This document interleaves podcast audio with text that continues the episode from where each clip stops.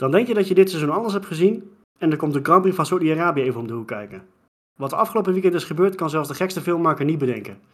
We gaan een poging doen om het in een uurtje en misschien iets meer te behandelen. We gaan snel van start met Studio Formule 1.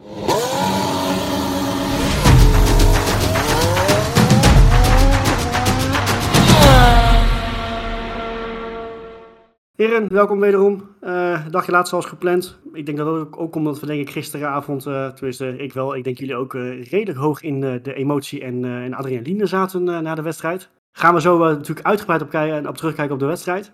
Maar ik denk dat we toch eerst gewoon eventjes stil moeten staan bij, bij het circuit zelf. Gewoon het weekend zelf eventjes even doornemen. Thomas die was vorige aflevering nou, nog redelijk positief. In de zin van het was wel een uniek circuit.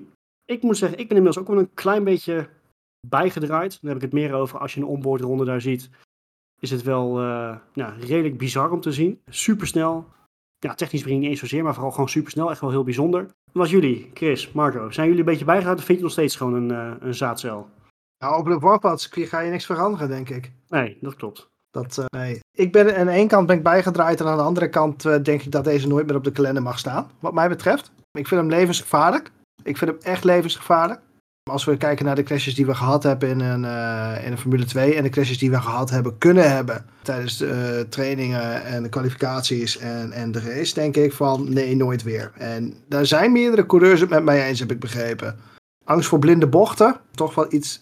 Uh, blinde bochten aan zich is op zich niet zo heel erg wat je natuurlijk krijgt op een, op een stratencircuit, maar blinde bochten met deze hele hoge snelheden, dat is echt, ja, nee. Ik vind, ik vind het doodeng. Ik zei aan het begin van de race, zei ik van nou, als we hier een heftige crash gaan krijgen, dan, dan had ik er niet gek bij opgekeken. Laat ik het zo zeggen.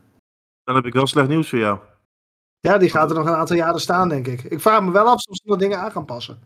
Nou, dat niet alleen, maar over 3,5 maand rijden we er weer. Dus dat is al vrij snel. Ja. Ja, maar als het, als het goed is, gaan ze wel een heel ander circuit bouwen voor de Grand Prix van Saudi-Arabië, toch? Want volgens mij was het echt zo'n heel, heel raar circuit met een uh, pretpark eromheen. En uh, echt zo'n zo'n zo'n acht, of acht voor, maar niet dat ze over elkaar heen gaan. Dat is bij Suzuka. Ja, ik, ik had ook zoiets begrepen. Ik weet niet hoe het precies zit, maar... Ik weet niet maar, van welk jaar, maar...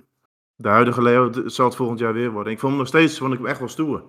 En gewoon totaal wat anders. Ja, wat je als tv-kijker wel had, is dat je echt het idee had dat het hard ging. En normaal zit je ja. als te kijken en dan krijg je niet echt het gevoel van snelheid. Dat krijg je alleen als je langs de baan zit. En dat je nu op tv wel dat het echt super snel ging. Maar misschien moeten ze her en der wat kleine aanpassingen doen in verband met veiligheid. Dat misschien wel. Maar ik vond het al met al vond ik het wel stoer. Dus ik ben niet bijgedraaid, ik ben nog steeds positief. ja, maar jij ja. had ook niet bijgedraaid te worden, toch? En ik had ook negatief kunnen zijn. Dat ik dacht van, nee, ik zat er compleet naast, ik vind niks. Ah, nee. kijk, voor de kwalificatie en dergelijke vind ik het een fantastisch circuit om te zien. Dat meen ik echt. Alleen, om er een race op te houden, ik vind Link. Ik blijf het Link vinden. Ja, maar dat, dat is het ook. En dat hebben we toch, nou ja, ook gezien, meermaals. Dus ja, ik ben al niet helemaal bijgedraaid. Ja, het is voor mij meer van, je hebt 23 races en dan een keer zoiets vind ik dan wel gaaf. Zo'n heel snel stratencircuit. Maar ja. je, moet er niet, je moet er niet meer van willen, dat klopt. Maar ik vond het nog steeds wel heel gaaf. Dat zag je ook terug in die kwalificatie. Ja, voor de kwalificatie was echt fantastisch om te zien. Ja, als je die ronde ja. van Max Verstappen tot aan de laatste bocht dan ziet. Ja, waanzinnig. Gewoon echt tegen de, de rand aan steeds. En dan de laatste ronde, of laatste bocht helaas over de rand. Maar dat geeft wel echt een gevoel van snelheid. Vond ik wel heel gaaf. Die ronde van Max Verstappen moeten we denk ik wel echt even bij stilstaan. Ook als je de, de internationale media uh, leest en hoort, dan zijn ze allemaal echt met, met open mond stonden ze te kijken. Het is zo jammer dat hij die laatste bocht gewoon verknalde. Want uh, wat mij betreft had hij echt in het rijtje mogen passen van uh, Senna Monaco 88. Nou ja, we hebben een beetje recente denk ik Hamilton Singapore 2018. Echt de, de, een auto op een plek neerzetten en, en in hoeken beuken waar, ze niet, waar die niet thuis hoort. Hoe, hoe, hebben jullie, hoe, hebben jullie net zo beleefd als ik, of was ik de enige die helemaal op het puntje van zijn stoel zat? Nee, ik zat er hetzelfde bij. Ik viel er bijna vanaf. Het was, ja. echt, uh, ja, nee, het was echt ongelooflijk, die ronde. Wat je zegt, het voelt, een beetje zoals Senna aan vroeger. Ja, als hij hem had afgemaakt, dan was hij in dat rijtje. Uh, had hij was, was, echt, was echt grandioos. Ja, ja. ja. ja hij heeft wel echt, echt daar alles uit de auto en de baan gehaald. Ja, alles en een beetje, beetje extra eigenlijk. Ja, als, je kijkt naar, als je kijkt bij het uitkomen bij turn 2, dat, dat, dat ik echt dacht van jezus. Het was overigens ook wel op het moment dat ik dacht van oh, dit kan ook wel eens misgaan. Ja, dat had ik stiekem ook wel een beetje. Ik durf niet toe te geven, maar dat had ik inderdaad ook wel een beetje. Ik denk van oh jongen, pas op, pas op. Maar goed, op een gegeven moment, eh, weet je wat het, wat het gekke was? Op een gegeven moment zat hij dus na uh, sector 2 zat hij er, wat is het, drie tienden voor volgens mij. En ik van, hij, nu, nu hoeft hij niet meer de limiet op te gaan zoeken. Als hij gewoon zijn ronde uitrijdt, is het klaar. Weet je, toen, toen had ik had juist het vertrouwen naar die sector 2. Ik van, nou, nu moet het goed komen. Dus ja, ik, het, het was hier, hier bij mij thuis was het zo erg, dat mijn vriendin, die werd boos op mij, omdat de hond zo erg van mij schrok dat ik zo schreeuwde. Die hond die werd echt bang van mij, omdat ik uh, zo, zo uit, uit, uit mijn dak ging. Wat doe jij die hond normaal gesproken aan dan? Ja, dat weet ik dus eigenlijk niet. Daar ga ik wel even bij over nadenken. Maar die hond die, die, hond die kroop echt helemaal in een hoekje van, uh, omdat ik zo tekeer ging. Maar dit, ja, het was ja, magistraal. Des te jammer dat hij, het, dat hij het toch niet heeft gehaald, lijkt mij. Ja, ja, maar zo zat ik er ook naar te kijken. Want die coureurs hebben natuurlijk, die zien op het stuur van... ik zit drie tiende onder mijn eigen tijd. En dan denk je van, laatste bocht moet goed komen. Hij kwam met 7 km per uur meer snelheid op die bocht aan. En ja, die, hij remt gewoon op hetzelfde moment. Alleen als je iets sneller aankomt rijden, is dat dus net niet genoeg. Was wel heel erg zonde. Wat, wat ik nou zelf nog wel een, een, heel mooi moment vond van die kwalificatie, ik weet niet of jullie die toevallig ook hebben gezien. Dat was onboord bij Perez toen Verstappen nog met zijn ronde bezig was. Ja. Dat, uh, toen uh, Verstappen hem in de muur zette, dan zag je Perez gewoon zichtbaar balen. Echt op zijn stuur staan van shit, het is niet gelukt joh. Dat, ja, dat, ik vind dat wel gaaf. Die, die, ja, die, ja, die leek ook, natuurlijk ook echt mee ah, met maar je, je zag meer coureurs en, en, en zelfs een Total Wolf die bijvoorbeeld nee aan het schudden was. Van die, ja.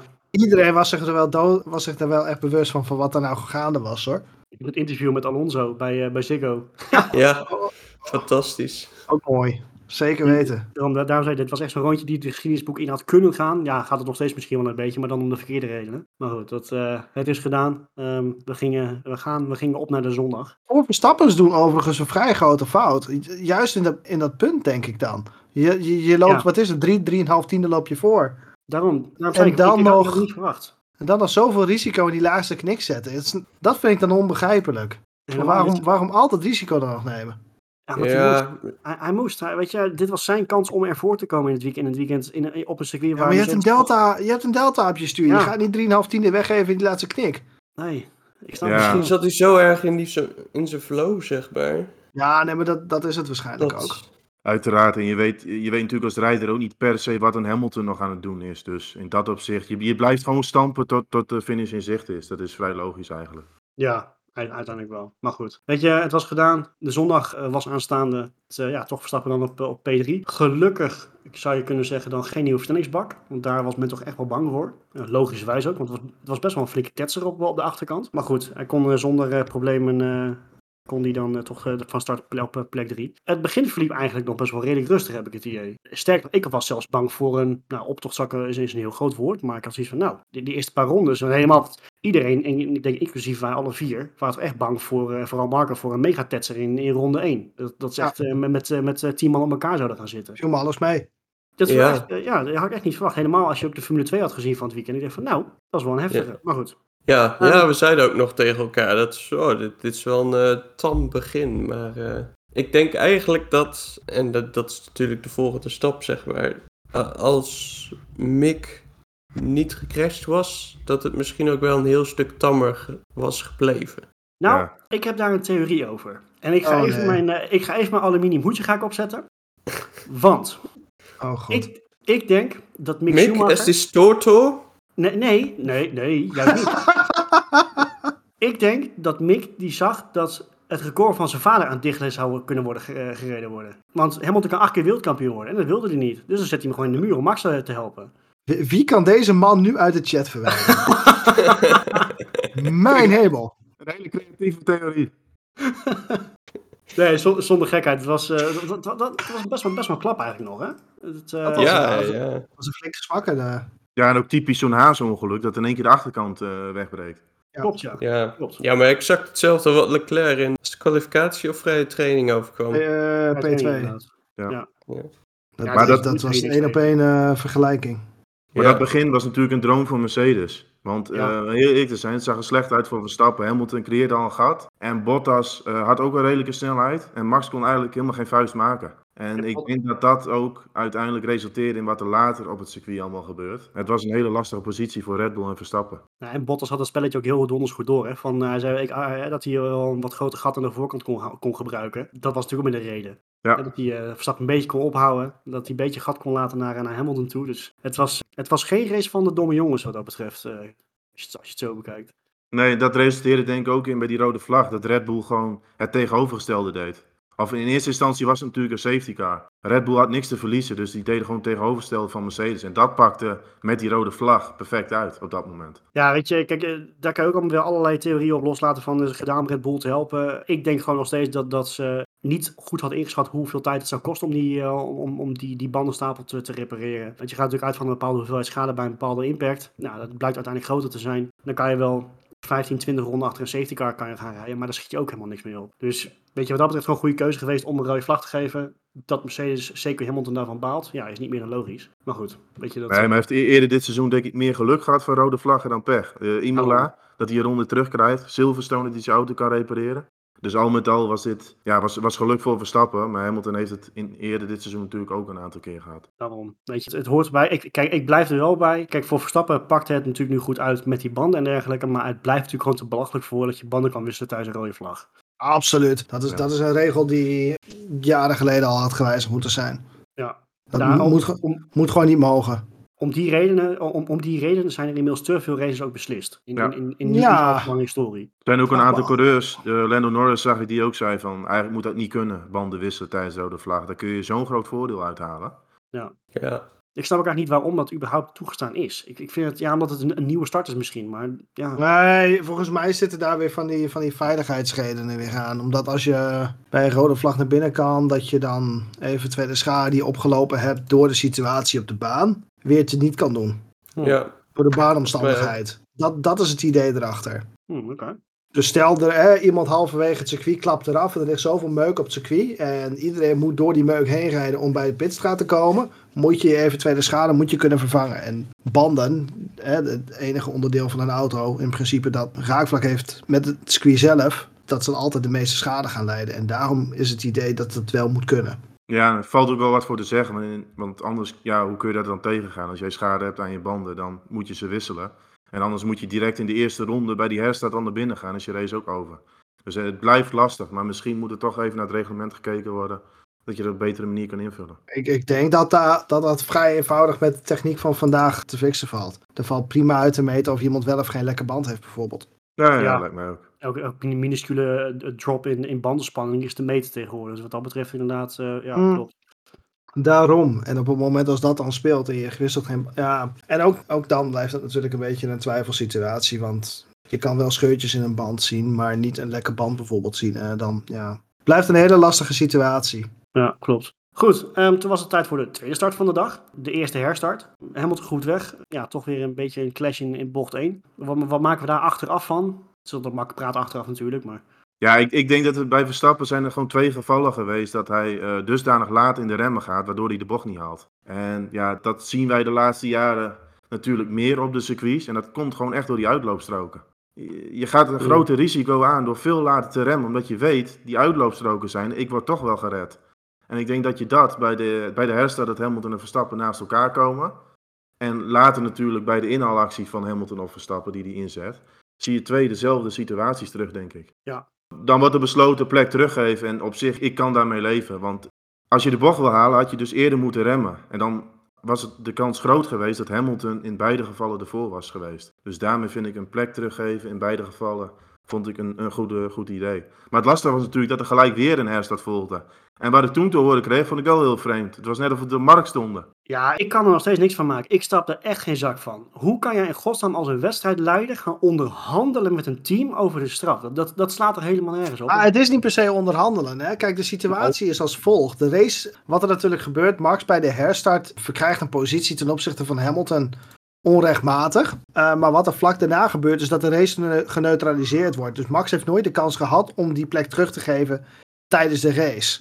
Hè, dat is iets wat we later in de, in de race ook nog zien. Dat, dat er aangegeven wordt, geef deze positie terug. Nou, daar, hè, daar aan zich was op dat moment ook al een boel om, om te doen geweest. Maar dat heeft in dit scenario heeft dat niet plaats kunnen vinden. Dus wat uh, Michael Masi zegt van nou, we geven je de kans om deze positie terug te geven. Doe je dit niet, moeten we dit alsnog refereren aan de stewards. Wat normaal gesproken ook zo geweest zal zijn. En hè, we, we, hebben het voor de grap al kamelenhandel genoemd en alsof we op de markt staan. Ik, ik, ik begrijp het. Op het moment als Max niet de kans heeft gehad om die positie terug te geven, krijgt hij automatisch een 10 seconden straf. Wat betekent dat hij geen kans heeft gehad om überhaupt zijn fout niet te doen om zo, in zo'n situatie. Want de positie teruggeven op het moment als die safety car naar buiten komt, kan ook niet.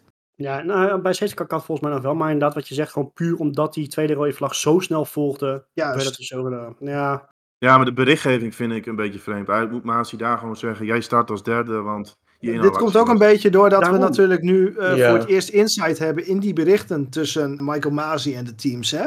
dat is zeker waar. Je weet Ja. niet of dit, of dit eerder gebeurd is of niet. Of in welke hoedanigheid het vroeger be- besproken is. Ik kan me ook niet heugen dat er een situatie geweest is waarbij je een vergelijkbare situatie hebt. Ik kan me niet heugen dat er een in het verleden een vergelijkbare situatie geweest is. Nee, dat, ik, ik, ik breedheid. denk dat, dat een, een Michael Masi en, en, en zijn collega's dat die ook echt heel creatief zijn eh, moeten zijn geweest gisteren natuurlijk. Eh, met, de, met de verschillende voorvallen die er zijn geweest. Neem niet weg, en dan ga, maak misschien een klein sprongetje, dat het wel weer zo inconsistent als wat is. En daarmee eh, geven ze wel een heel raar en slecht signaal af naar zowel de coureurs als wel de fans, lijkt mij. Ja, en dat zorgt ook voor denk ik een hoop, hele hoop hectiek bij de fans van zowel Verstappen als Hamilton. Van ja, die doet dit, die doet dat. Waarom is dat wel geen straf? Of waarom is dat wel een straf en waarom dit niet? Zelfs mijn oma die kijkt tegenwoordig en die, die zei gelijk na de race van waardeloze race. Mercedes, eh, Merce- Mercedes speelt vals. Ze is 87. Sinds kort eh, wist ze niks van Formule 1, maar dan zie je al van... Ja, het leeft natuurlijk enorm in Nederland. En ja, mensen reageren behoorlijk emotioneel. En dat komt mede inderdaad wat je zegt, door die inconsistentie. En er Maar waar vinden jullie dat die inconsistentie hem dan in zit? Daar ben ik dan Eh, even op- benieuwd naar. op heel veel gebieden. En, eh, bijvoorbeeld het safety car eh, incident met Bottas. Dat zie je gewoon heel overduidelijk. Hij wil een gat ten opzichte van Hamilton laten, zodat ze beide de pits in kunnen. Dat, dat is gewoon een heel erg grijs gebied. Van je moet aansluiten, maar ja, op hoeveel dan? Wat voor gat mag je laten? Dat moet gewoon zwart op wit moet er gewoon... Je mag bijvoorbeeld zoveel verliezen in een sector. Dat moet veel duidelijker in het reglement allemaal komen. En dat, dan hebben we natuurlijk met de startprocedure van Hamilton die een te groot gat laat volgens Verstappen. Ja, dat is ook allemaal van. Dat kun je allemaal veel makkelijker oplossen, naar mijn idee. Ja. Het is een beetje Eh, een lastige situatie en ik snap wel wat je zegt. Ehm, waar het bij mij deels steekt wat er gebeurt, is, dat, is misschien juist wel, en eh, dat klinkt misschien dan gek, maar eh, het gebrek aan daadkracht van de, van de stewards of van Michael Masi of van de FIA of wat dan ook. Ze, ik krijg een beetje de indruk dat ze de afgelopen races juist dusdanig, zich dusdanig veel afzijdig proberen te houden. Die die twijfelachtige penalties niet proberen te geven om juist maar geen invloed te spelen in het kampioenschap. Dat ze daarmee juist de, bal, eh, of, eh, juist de plank misslaan. Dat, dat stukje met Bottas, volgens mij staat dat vrij duidelijk in de regels dat je niet unnecessarily slow mag rijden tijdens een safety car procedure. Daar was duidelijk sprake van. Ja, maar, Bottas had hier ab- absoluut op zijn moeten krijgen. ja, maar dan ga je weer discussiëren van wat is unnecessarily slow. Ja, Nou ja, kijk, en dat is, dat is wat Thomas natuurlijk wel zegt. Maar volgens mij betekent dat ook gewoon dat je niet een bepaalde afstand op een gegeven moment mag nemen vanaf de safety car. En ja, zoiets zal misschien bij, bij- met cijfermatig zal het genotuleerd moeten worden in het regelboek. Ja. Maar Het wordt wel dat is- vrij lastiger. nou, je kan gewoon met, met sectortijden gaan werken. Van je mag zoveel verliezen op je voorganger. Zoveel procent. Ja. Ja. Ja, zoveel Ja. procent. Dat is helemaal niet zo lastig. Dat is allemaal, helemaal met de technologie van tegenwoordig is dat heel makkelijk te doen. En Het lijkt wel een beetje alsof sommige regels uit het jaar 80 nog eh, dateren. En dan komen we natuurlijk later op een stukje positie teruggeven. Kijk, daar wordt natuurlijk een spelletje gespeeld van Max die wil natuurlijk dat Hamilton voor het DRS-detectiepunt hem voorbij gaat, zodat hij DRS heeft. Ook daarin moet eigenlijk veel beter in het reglement opgesloten van hoe je dat moet doen. En misschien in het reglement opnemen van je moet minimaal een gat van een halve seconde laten, zodat je daar niks meer kunt doen. Want ik zat me ook af te vragen, Hamilton gaat, hoeft er natuurlijk niet per se voorbij. Dat staat nergens in het reglement.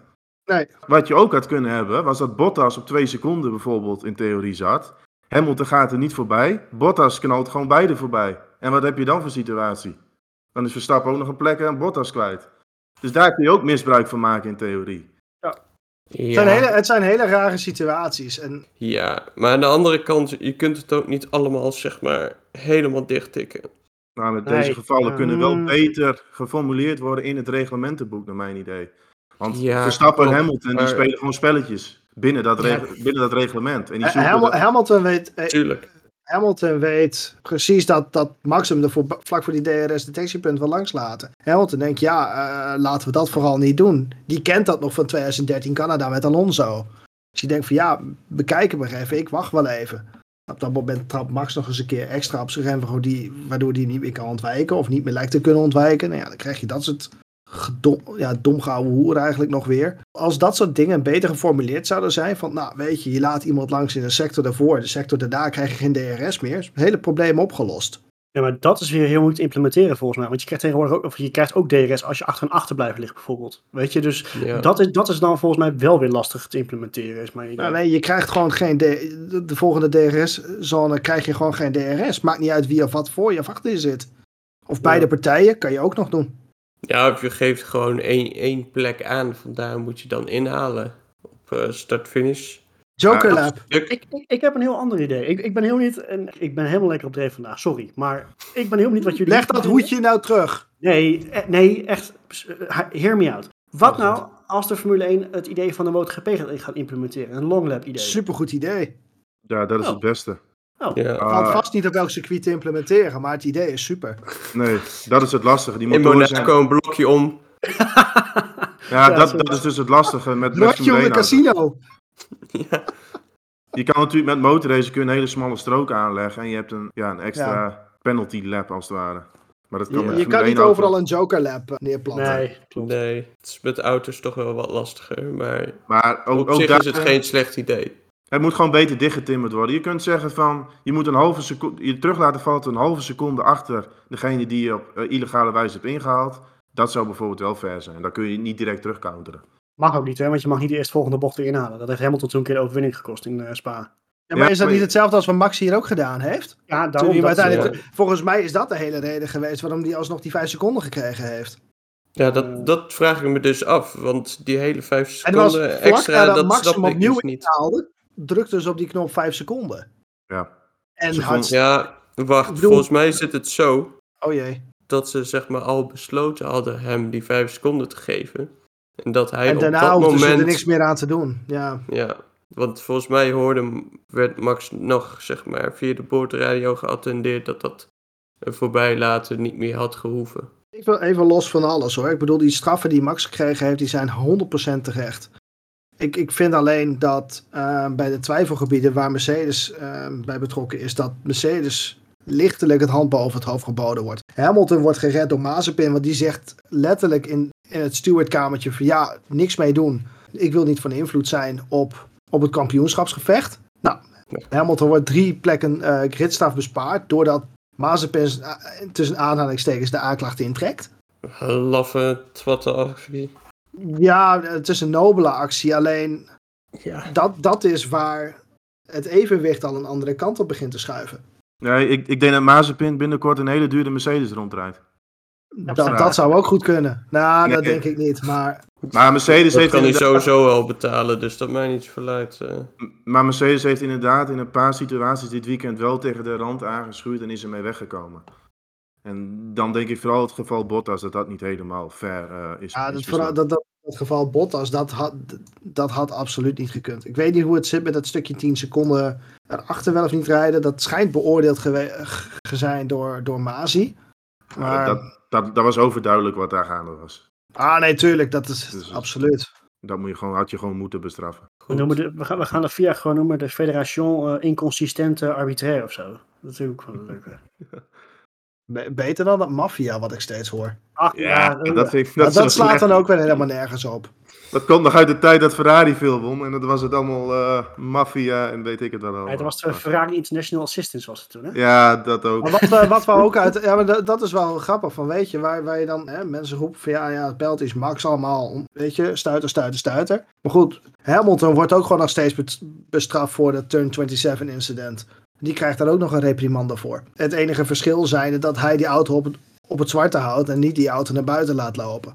Dus daar zit dan ook nog weer het verschil in. Maar dat wordt dan weer niet gezien. Dat, Nou. dat vind ik dan wel weer jammer. Ja, We zijn er, eh, weet je, je kan hier echt letterlijk uren over discussiëren. En, en je zal er toch nooit uit gaan komen. En je zal altijd misschien een beetje een zure nasmaak houden. Maar goed, weet je, we zullen door moeten. Dus we gaan toch eventjes aan onze, onze eigen top en flop toe. Die is volgens mij best wel lastig eh, deze keer. Ik wil nog wel even, al met oog op top en flop, even kort aanhaken op dat moment van ronde, wat is het, 37 volgens mij, of 39. Wat mijn top, mijn gekscherende top, is absoluut de voorvleugel van Lewis Hamilton. Want hoe die, waar die in godsnaam van gemaakt is, ik heb geen idee. Want die heeft en een beuk van Ocon heeft hij overleefd. En een, een, gewoon een frontale klap achterop bij Max Verstappen. En zet vervolgens de snelste ronde na snelste ronde neer met een half eh, afgebroken vleugel. Dus hoe ze Ik dat heb foto's gezien dat hij eh, gemaakt is van een Nokia 3310. Oh, dat zou ook nog, dat zou ook nog wel kunnen, ja. Ja, Ja, maar voor- vooral die klap met Max natuurlijk. Dat hij dat Ja. overleefd heeft, dat is echt Ja. eh, bizar. Ja, maar ook dat die auto van Max, dat ook, zeg maar, dat die achtervleugel nog... Had ook Heel een kapot geen- achterband kunnen zijn. Ja, Ja. ja absoluut. bijzonder inderdaad, dat daar redelijk, relatief weinig schade is eh, uit voortgekomen. En, en dat zag je natuurlijk wel. Hè. Zelfs een Hamilton met lichte schade. Mercedes had echt gewoon in de race gewoon veel meer snelheid. Ja, daarom. En dat- dat is dat ook een wel- beetje... Eh, want wat, wat- we- men loopt natuurlijk heel erg te schelden op Hamilton en, en, en allemaal oneerlijk en, en kinderachtig noem het maar op. Maar laten we eerlijk wezen, de pace die hij liet zien met een, een, een half eh, kapotte auto of half kapotte voorvleugel. Ik vond het wel weer magistraal wat hij gewoon liet zien. Qua pace, qua wat hij gewoon weer neerzet op de baan. Weet je, dat moeten we ook weer niet, niet gaan ontkennen en, en ook niet, eh, niet voor wegkijken. Nee, zeker. Maar ik denk ook dat de Mercedes in de, in de race zeker gewoon de snellere auto was. En dat zorgt er ook voor dat Max Verstappen in een hoek gedrukt wordt. Dat hij weet, wil ik wereldkampioen worden, zal ik een actie moeten inzetten bij bocht 1. Want natuurlijk bij de tweede herstart staat hij op de medium band. In ieder geval de laatste herstart was dat, staat hij op de medium band. En dat is natuurlijk ook alweer een gok van Red Bull. Van met de start gewoon proberen met alle risico's van die ervoor te komen. deed hij perfect.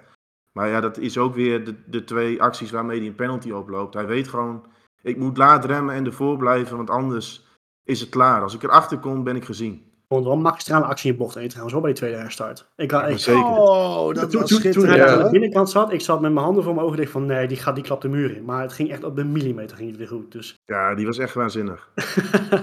Maar hij, kijk, een Hamilton hoeft dat soort acties niet te doen, omdat hij weet van, ik heb de snelheid in mijn auto zitten om er ook op het circuit nog wel langs te kunnen. En dat is ook een verschil natuurlijk. Ja. Hamilton kan een andere aanpak, ja, kan hij gebruiken omdat de auto gewoon sneller is. Hij kan wachten, hij kan rustig op gang komen. Max heeft, heeft die luxe, heeft hij niet meer. Hij moet gewoon, iedere kans die hij heeft met een herstart of met een start, is het gelijk bam ertussen.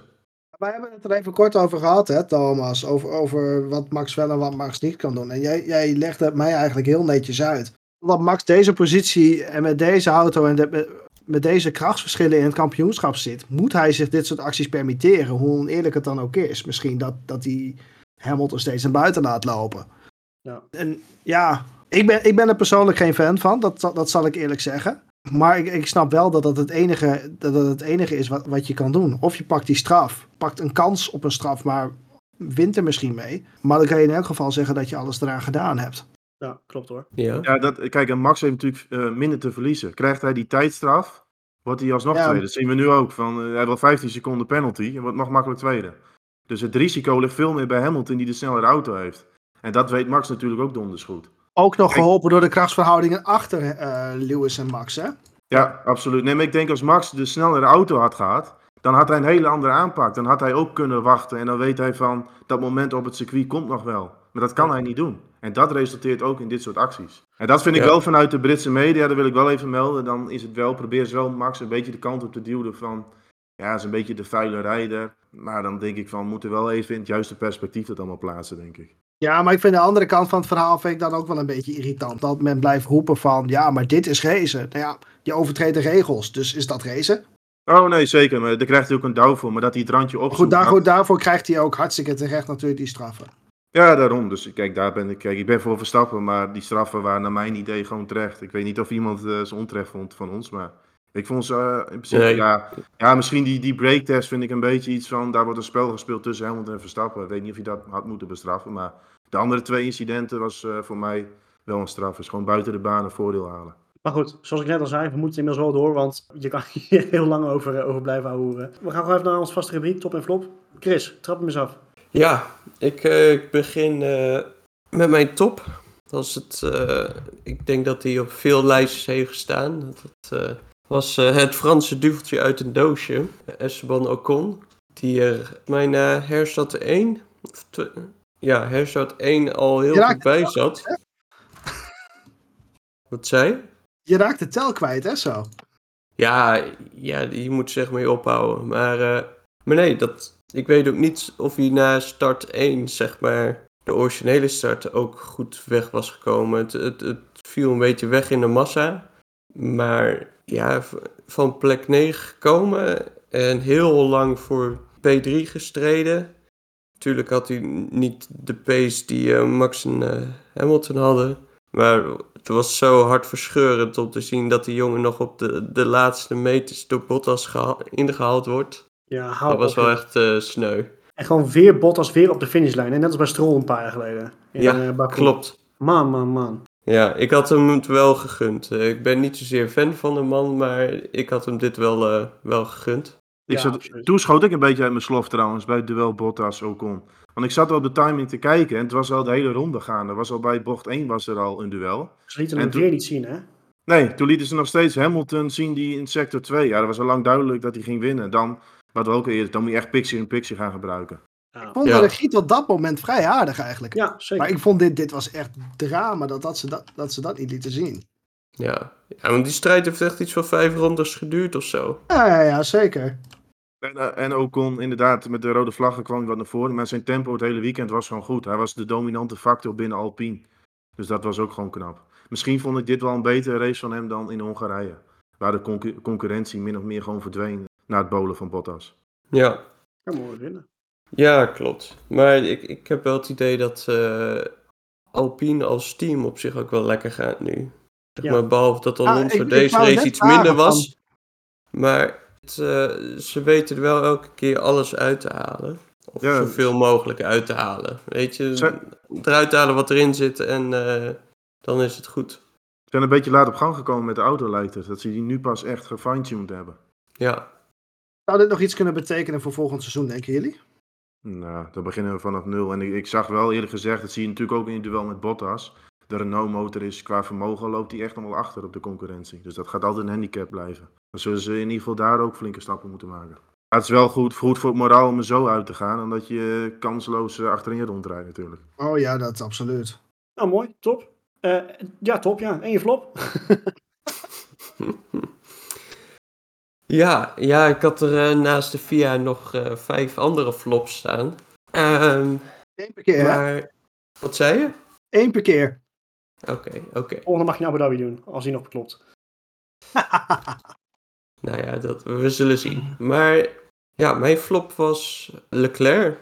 Ik had daar wat, wat meer van verwacht. Maar hij, hij startte volgens mij naast Max. P4 is uiteindelijk P7 geëindigd. Daar ben ik het niet mee eens. Oké.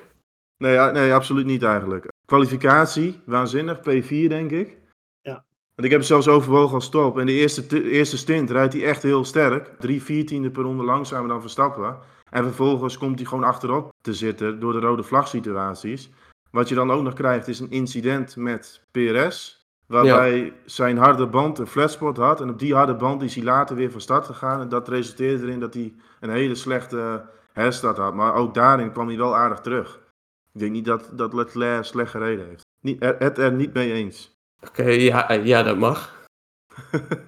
Ik weet niet hoe de rest er tegenaan kijkt. Leclerc heeft misschien niet het maximale eruit gehad wat had gekund. En helemaal Ja. dat- dat er een McLaren voor is geëindigd. Nu hebben ze alsnog best wel een, een gat, natuurlijk een constructeurskampioenschap, maar toch. Misschien heeft hij, niet, misschien niet het maximale eruit gehaald wat, wat erin zat in, in, op de zondag. Maar de zaterdag was, was sensationeel, dat absoluut. Ja, ja, maar ook dat incident met PRS natuurlijk, dat is niet zijn schuld. En daardoor verloor hij wel posities. Dus- Ja, maar dat zeg ik ook niet. Hè? La- laat ik dat vooropstellen. Ik, daar ben ik mee eens dat dat niet, dat dat niet Leclerc's doen was. Dat, eh, ik, ik snap wel een beetje waar je vandaan komt. En, en ik denk dat het meer in het perspectief is dat op het moment als Norris ook nog eens snel was geweest dit weekend, dat het best wel pijnlijk voor Ferrari had kunnen zijn.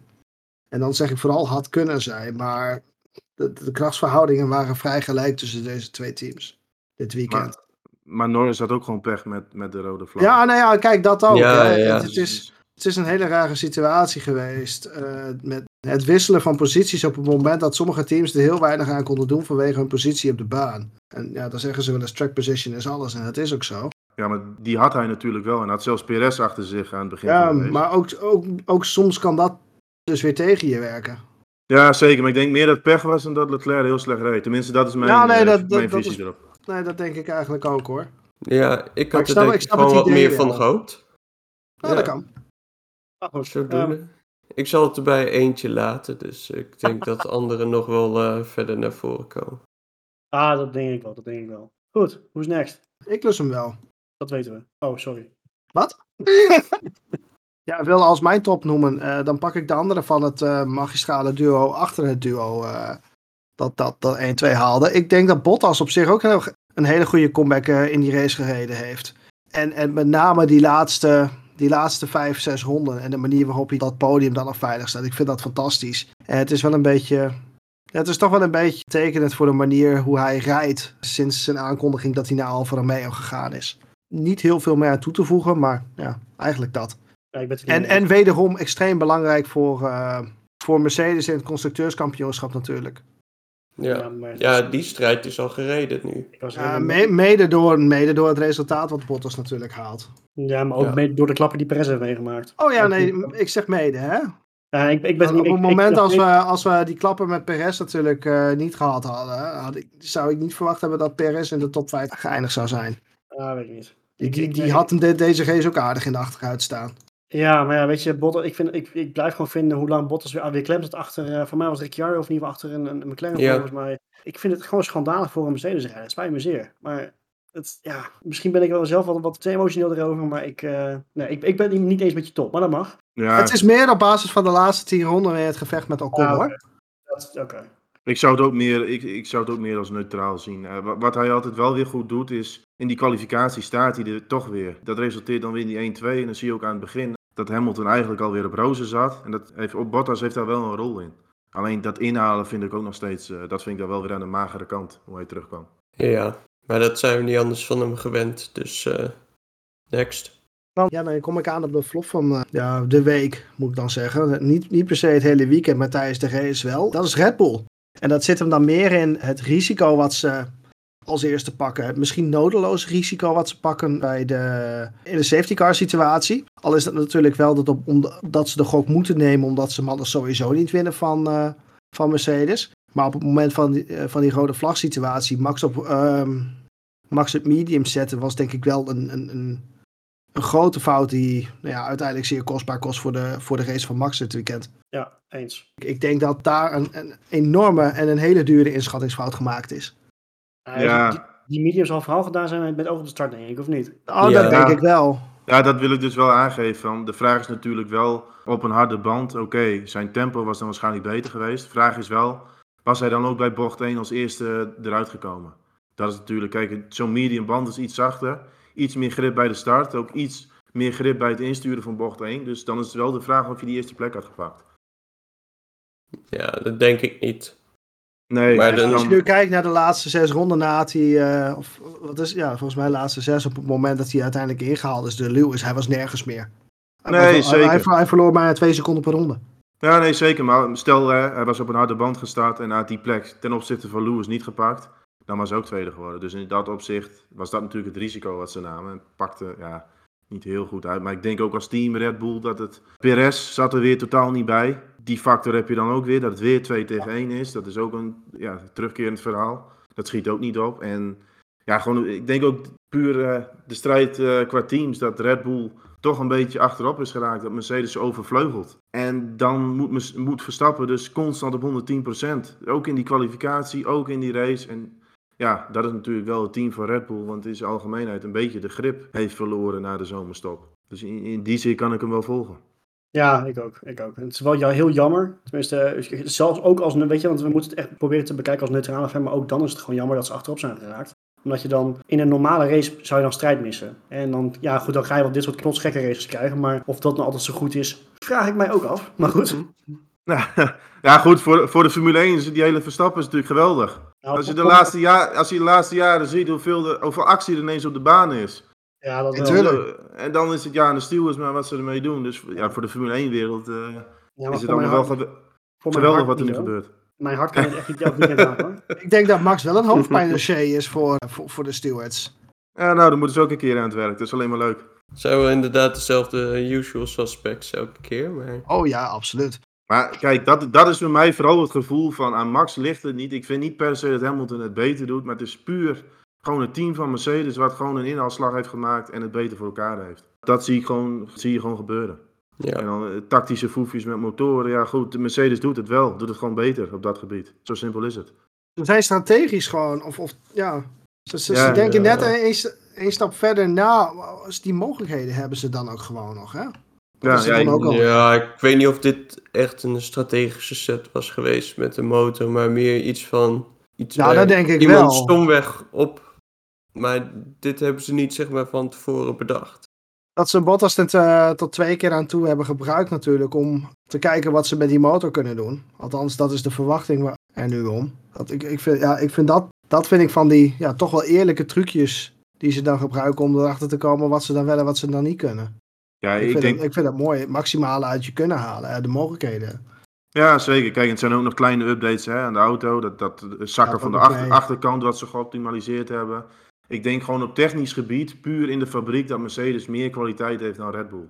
Dat denk ik heel eerlijk dat gewoon het geval is. En dan Ja. ook, dat is op motorisch gebied, maar ook wel. Kijk, want dat zien we de laatste jaren ook. Hè. Een DAS-systeem. Mercedes komt wel constant met foefjes en dingetjes aan. Het Ja, is wel constant. Mercedes van alle teams die het doet. En dat is geen toeval natuurlijk.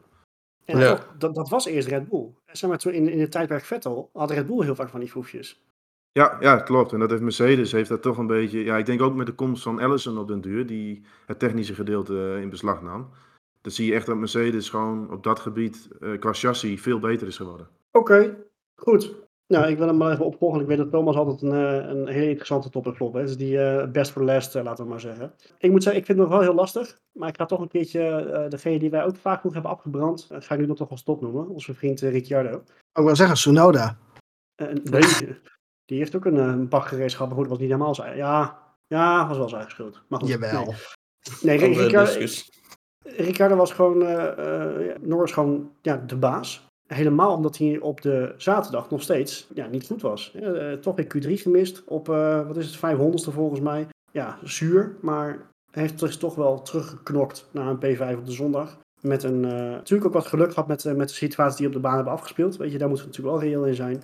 Maar ja, hij heeft toch heel lang natuurlijk eh, Bottas achter zich gehouden. Staat er McLaren ook wel een beetje bekend om natuurlijk. Maar goed, het eh, neemt niet weg dat hij gewoon wel een goede performance wat mij betreft heeft, heeft geleverd.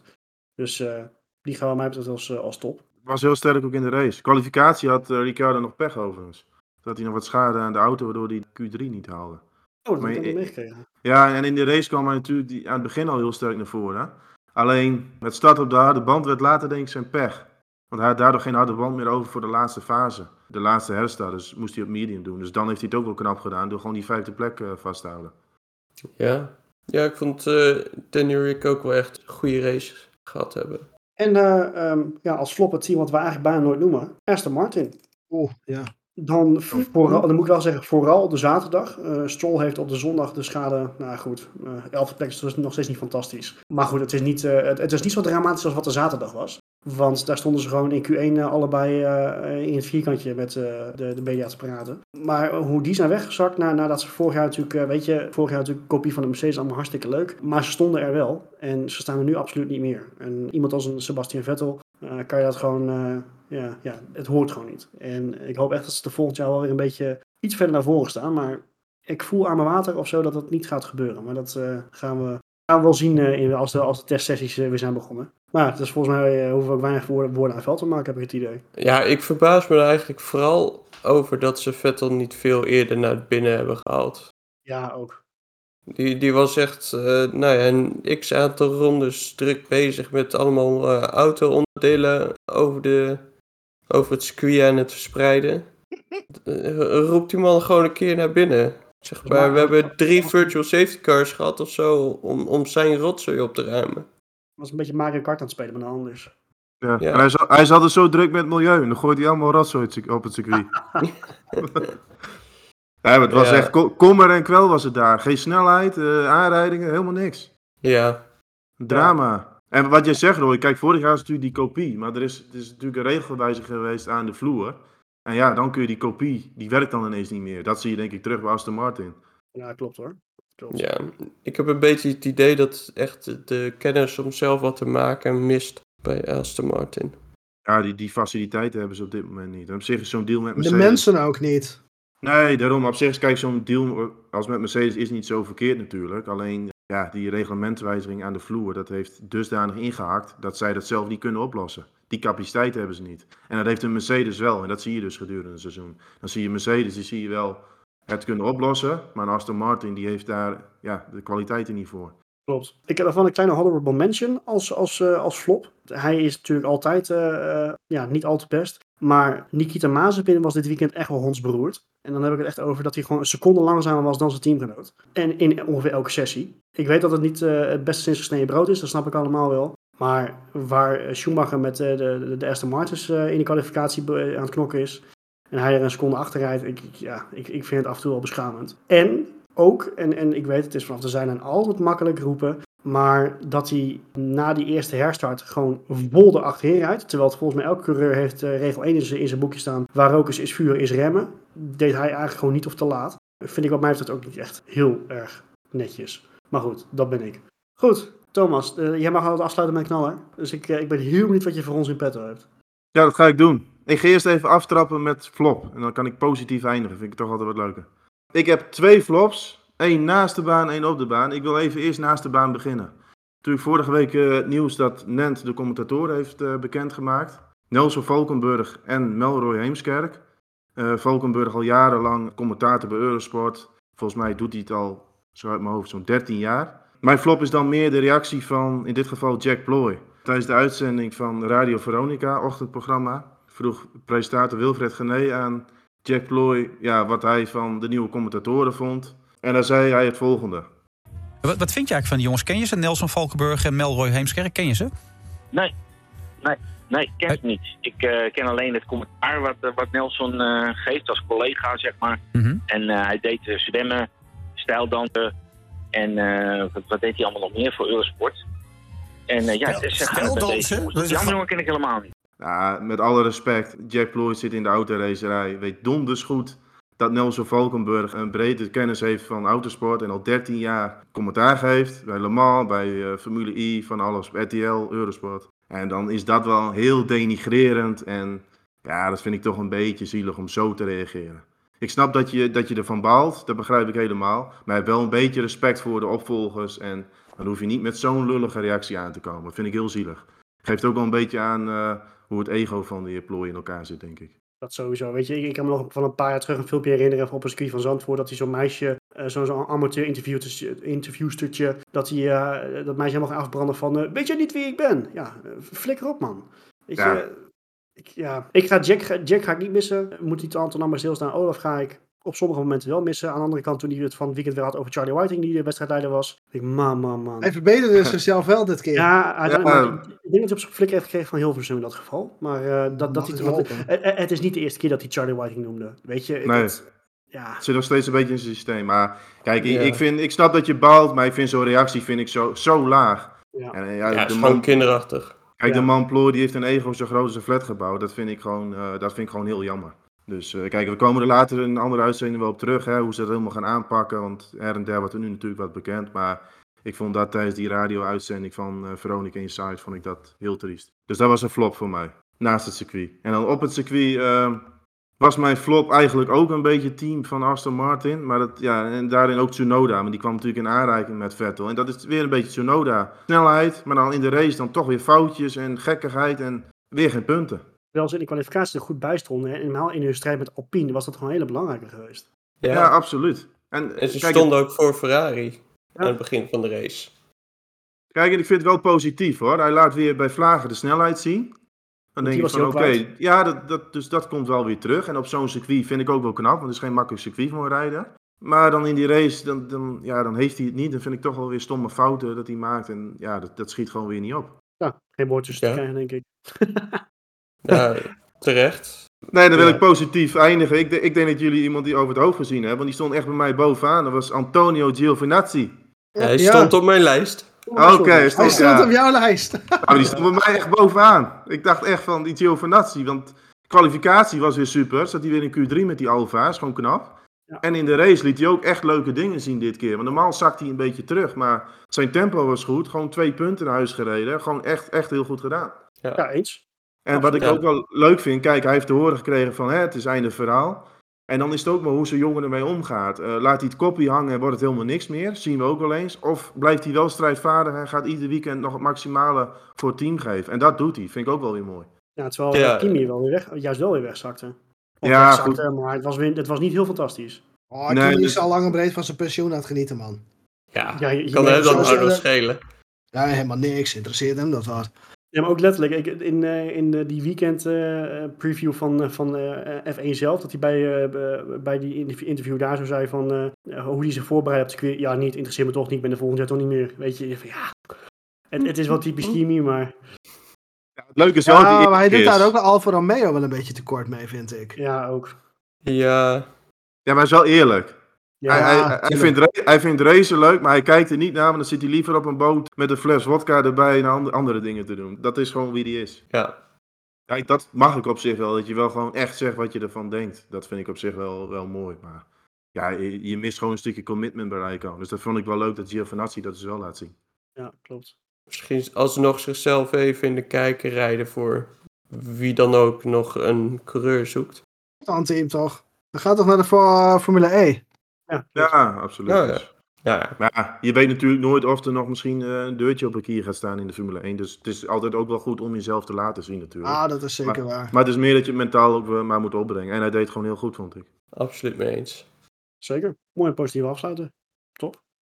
Zeker weten. Goed. Dan uh, is mij genoeg uh, gezegd. Ja, je hebt eigenlijk, over zo'n Prix heb je eigenlijk nooit genoeg gezegd. Daar moeten we ook heel in zijn. Maar goed, we hebben ook een, een aflevering af te, af te ronden op een gegeven moment. En we moeten door. We gaan uh, met gelijke punten. Ja, ik zeg nog een keer, we gaan met gelijke punten gaan we naar Abu Dhabi. Oftewel, de winner takes all. Degene die uh, uh, voor de ander eindigt, die is gewoon kampioen. Dat is ook een hele bijzondere situatie. Want dat echt, die specifieke situatie hebben we echt al heel lang niet meer gezien. een keer één of twee punten verschil hebben we nog wel eens een keertje meegemaakt. Maar gelijke punten is wel heel bizar natuurlijk. Ja, we hebben natuurlijk al een klein beetje vooruitgeblikt op Abu Dhabi. Ik weet niet of de heren uh, hun meningen daarvan hebben bijgesteld naar de, de pace die ze in, uh, in, in uh, Saudi-Arabië hebben gezien. Want de verwachting is denk ik nog steeds dat Mercedes wel een beetje de upper hand zal hebben. Ja, ja. ja is, wat, ik wel, wat me wel opviel in Saudi-Arabië, en dat gaf Mercedes ook aan. Zij laten natuurlijk die achterkant zakken, waardoor de auto lager staat. En dan heb je minder drag, wat resulteert in meer topsnelheid.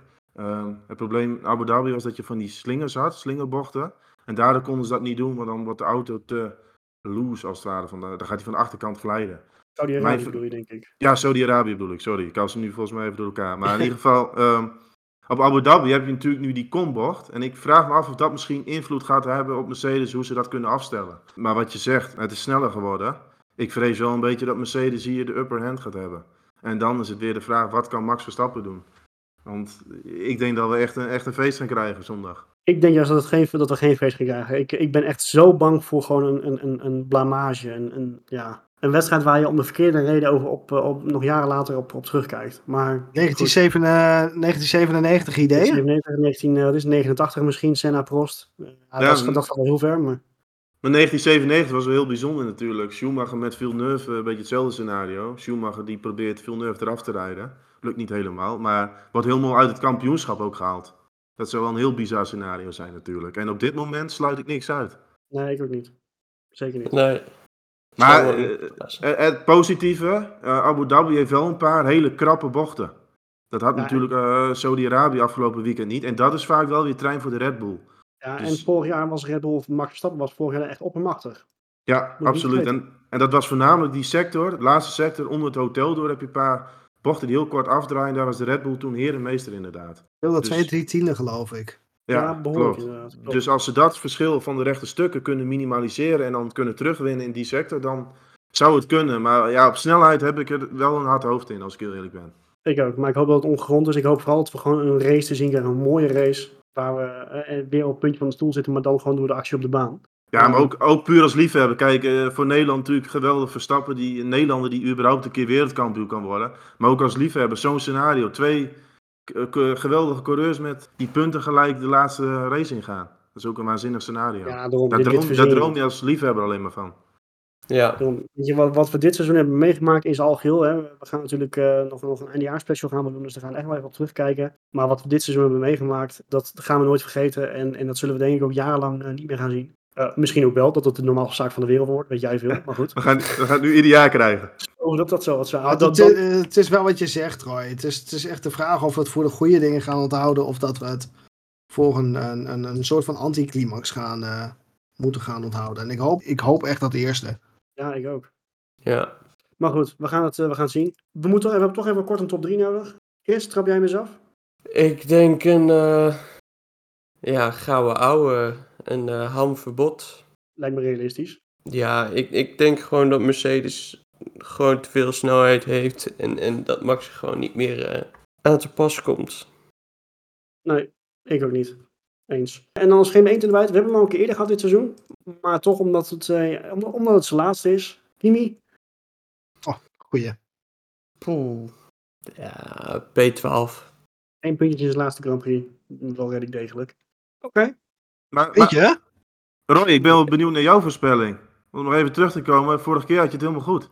Ik had hem eindelijk, ik had hem eigenlijk een keertje goed. Yes. En, en het was ook nog kassa voor jou bij de bookmakers. Dus jij had een Ja. geweldig weekend. Ik, eh, ik, die- eh, ik- jongens, ik heb mijn geld op komend weekend ook alweer staan. Ik, Ben, eh, ben je uit eten geweest? Nee, nee, nee. Zo, zo dik was die winst nou ook weer niet. Dat heeft wel helemaal herinvesteerd. Ah, je dan. Hij is alweer aan het herinvesteren voor komend weekend. Ik ben alweer Ja, aan het herinvesteren. En eh, het, spijt mij zeer, maar ik ga voor eh, Hamilton, Bottas, Leclerc. Oh jeetje. Ja. Gaan we nou? Ja, ik, ik, eraf. de, de Max Verstappen die ik, eh, die ik eh, gisteren heb gezien, ik eh, ben bang voor een eh, 2.0 daarvan komend weekend. Met, eh, met verkeerde afloop. Ik, eh, ik hoop echt dat ik het fout heb. Dat ik zeg dat we een mooie race zien krijgen, maar ik heb gewoon een onbuikgevoel dat hij eh, als een stier eh, die een rode lap ziet. eh, dat hij sowieso gaat rijden, maar we gaan het, eh, we gaan het zien. En ik, eh, ja, Ferrari oogt gewoon best wel, best wel oké. Dus ik, eh en Leclerc is gewoon altijd goed. Weet je, dat is gewoon een van de toppers van, eh, van de grid. Dus die, eh, die zie ik wel op het podium eindigen. En eh, Kimi die wordt eh, ongelukkig eh, dertiende. Marco, Ja, mijn top 3 zal jullie. eh, eh, ik zal niet heel veel af gaan wijken. Ik eh, ga voor een. ehm, hoe had ik hem nou? Hamverlek. Oftewel Hamilton, Verstappen, Leclerc. geen Bottas, joh. Nee, en dat ga ik jullie uitleggen. Mijn idee is dat eh, Bottas op tactisch gebied ingezet gaat, eh, gaat worden om Hamilton de overwinning te bezorgen. En dat hij daarom buiten de top 3 valt. Zelfs dan moet je met die Mercedes wel top 3 kunnen pakken. Ja, weet ik niet. Ik heb, ik, ik- ik heb wel En eens... zij eh, ze Bottas inzetten als torpedo. Nou, nee, ik bedoel niet in die zin. Ik bedoel meer dat zo'n Bottas op een hele vervelende voor hem strategie gaan neerzetten. Waardoor hij eh, misschien Max moet gaan ophouden voor een aantal rondes. En vervolgens binnen moet komen, maar ondertussen wel eh, P3-4 verliest. Ja, dat, dat ging voorgaande race ging dat ook zo goed. Max Verstappen op, ophouden. Dat, Ja, nou ja, nee, tuurlijk, dat, dat, dat weten we. Maar met de, met de pure en de rauwe snelheid die een Mercedes heeft, denk ik wel dat een Bottas dat hier voor elkaar moet kunnen krijgen.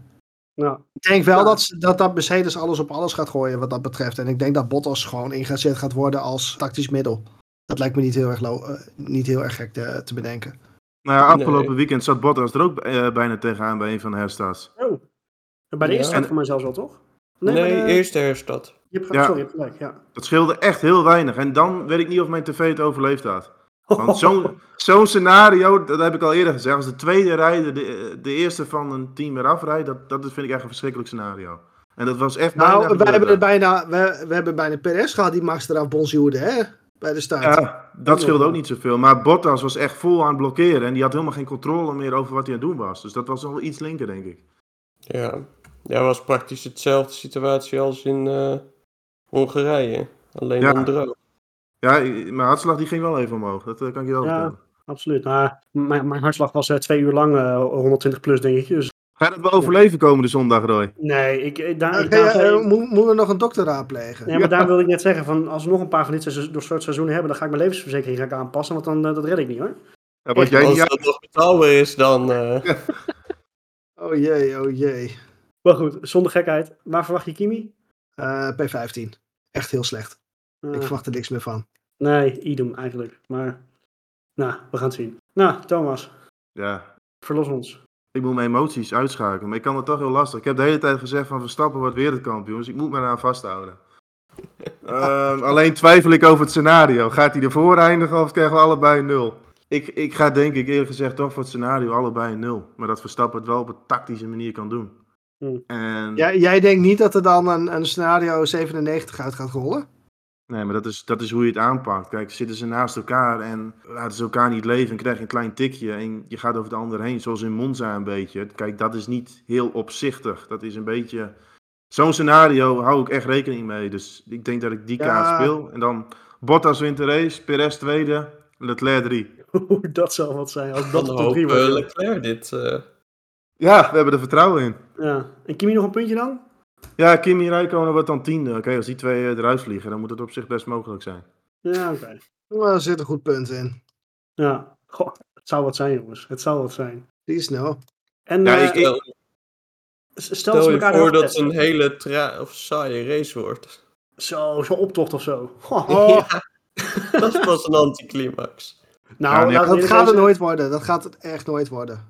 Nee, Ja, maar goed. zo- sowieso, als, je, als jij een race in Abu Dhabi, als, ook al wordt dat een optocht, ik ga dan een beetje hetzelfde idee krijgen als eh 2010. Toen was ik helemaal pro-Vettel. Sorry mensen, toen was Vettel nog een klootzak, weet ik. Maar eh, ik, dat was vooral omdat ik gewoon echt zo'n pestrekel had heb aan Alonso. Dat ik gewoon niet wilde dat hij kampioen werd. Dus ik, eh, ik was helemaal voor Vettel toen. En die reed gewoon zijn rondjes vooraan reed hij gewoon weg. En ik heb echt anderhalf uur, eh, uur en drie kwartier lang met, met, ook met van die hartkloppingen gezeten. Omdat ik gewoon wilde dat hij die, die titel pakte. En ik denk dat je dat komend weekend dan ook gaat krijgen. Van ook al wordt het een optocht, die uitslag die is zo belangrijk, dat, dat houdt je wel op het puntje van je stoel. Dat is anders dan wanneer je zo'n eh, saaie snoesfest hebt in, in Spanje bijvoorbeeld, wat je wel vaker hebt. Ah, dat, Dus je ook staat bijna, dat je een aantal ronden voor het einde ook nog bang bent dat er bijvoorbeeld een motor gaat ploffen of zo. Oh, hou op joh, hou op. Ja, ja, kan ik me inderdaad ook nog wel herinneren, 2010. Daar hadden zelfs vier mensen nog kans op de titel, theoretisch Ja. gezien. Hamilton, ja. Verstappen, oh, Verstappen, die reed toen helemaal niet mee. Hamilton, Ha- Alonso, Webber en Vettel. Vettel natuurlijk. Ja, Ja. die werd het ook. Ja, maar dat vond ik toen ook een waanzinnig, waanzinnige race. Dus inderdaad, je houdt die spanningen sowieso in tot de laatste ronde. Blijft die auto heel. Nou, en mochten ze wel allebei eraf, eraf gaan, dat ze gewoon allebei nul punten hebben, dan gaan we gewoon doen we gewoon een, eh, een bokswedstrijd naar de wedstrijd. En dan de winnaar daarvan die is kampioen. Vind ik ook wel een goeie. Li- Lijkt mij een heel goed idee. En Toto Wolf tegen Horner. Maar die Wolf is wel sterk, want die, die headsets van hem, die vlogen ook weer eh, in de Die ronde. vloog ook over tafel, ja. Ja, ik- denk dat Ja. Boze niet al te, niet al, te- al te blij zou zijn met hun sponsorship daar zo. Maar. Ja, of juist wel. of juist, ja, of Wat maakt zo'n misschien- headset nou uit? Ja, dat is ook wel weer. Ja, komt goed in beeld ook. Draagt en al, dus dat is wel... eh, We- weet iemand of die headset nog heel is? Nee, geen idee. Het is wel Als die heel... heel blijft, dan is dat goede reclame. Ja, dan koop ik die ook. Kun je die richting de tv werpen? Ja. Ja, dat zit er best in. Weet je wat pas zuur zou zijn trouwens? Als een van de twee dan eh donderdag en vrijdag positief test voor COVID. Oh. Dan wordt de race uitgesteld. Fuck off. Dan wordt de race uitgesteld. Oh, hou op zeg. Maar ik denk dat die beide heren niet meer buiten komen nu hoor. Die Nee. zitten gewoon vast in een kamertje en die komen niet meer onder de mensen. Ah, dat Nee. denk ik ook niet, nee. Groot gelijk ook. Poeh. Maak voor Max en die, die speelt in een paar potjes FIFA, joh. Ja, Ja, een be- be- beetje iRacing tussendoor, die vermaakt zich altijd wel. Ah, jawel, joh. Goed. Jongens, gaan we afronden. Het is eh, de ene laatste van, eh, van het jaar. Volgende, volgende week gaan we zeggen Max Verstappen is kampioen of eh, het is hem helaas niet gelukt. We gaan het, eh, we gaan het zien. We hebben hem niet kort gehouden. Sorry daarvoor. Sorry luisteraars. Maar eh, deze kan je ook niet kort behandelen. We moeten ook weer eerlijk in zijn. Mannen, dank jullie wel. Of hebben jullie nog een, een nabrandetje? Iets wat we hebben gemist? Volgens mij hebben we, hebben we hem wel behandeld, eh, heb ik het zo het idee. Ja, het wordt, wordt eh, spannend einde. Dag wordt mooi. Het, wo- het wordt een slapeloze week voor ons en voor alle, alle Formule 1 fans, denk ik. En eh, we zijn getrakteerd op een fantastisch seizoen, fantastische race. En ik hoop dat we een passend einde gaan, gaan krijgen. Jongens, dank jullie wel voor, eh, voor de heerlijke aflevering weer. Luisteraars, wederom bedankt voor het luisteren. En eh volg ons op Twitter op Studio Formule 1. En we spreken jullie graag na de laatste race van het seizoen in Abu Dhabi.